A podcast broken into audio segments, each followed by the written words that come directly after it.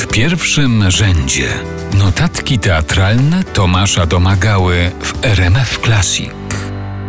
Minęło właśnie 40 lat od śmierci wielkiego amerykańskiego dramaturga Tennessee Williamsa, autora tramwaju zwanego Pożądaniem, Kotki na gorącym blaszanym dachu czy Szklanej menażerii. Dlatego postanowiłem przypomnieć historię pierwszego spotkania pisarza z kandydującym do roli Stanleya Kowalskiego w broadwayowskiej adaptacji tramwaju Marlonem Brando. Legendarny dziś aktor nie był jednak pierwszym wyborem reżysera Eli Kazana i jego producentki Irene Selznick. Na giełdzie nazwisk przed Brando pojawiali się tak znani aktorzy jak John Garfield, Gregory Peck czy Burt Lancaster.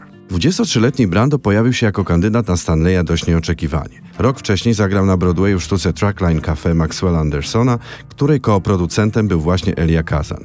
Zachwycił wszystkich pięciominutowym monologiem o morderstwie. Publiczność oklaskiwała go przy podniesionej kurtynie przez pełną minutę. To zaprocentowało, bo ktoś podsunął jego kandydaturę Kazanowi, który dał młodemu aktorowi 20 dolarów i wysłał go do posiadłości Williamsa w Provincetown, żeby ten go poznał i zaakceptował.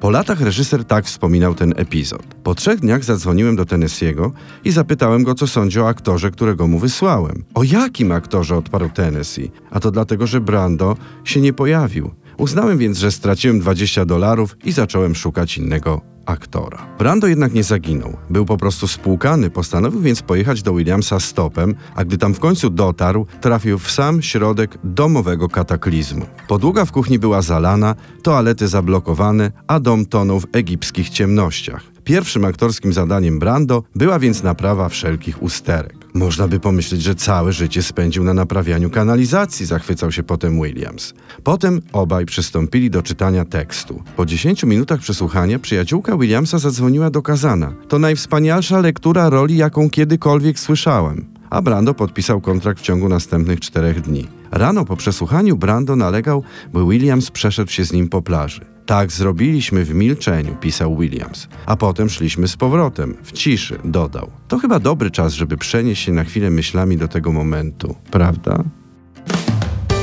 W pierwszym rzędzie notatki teatralne Tomasza Domagały.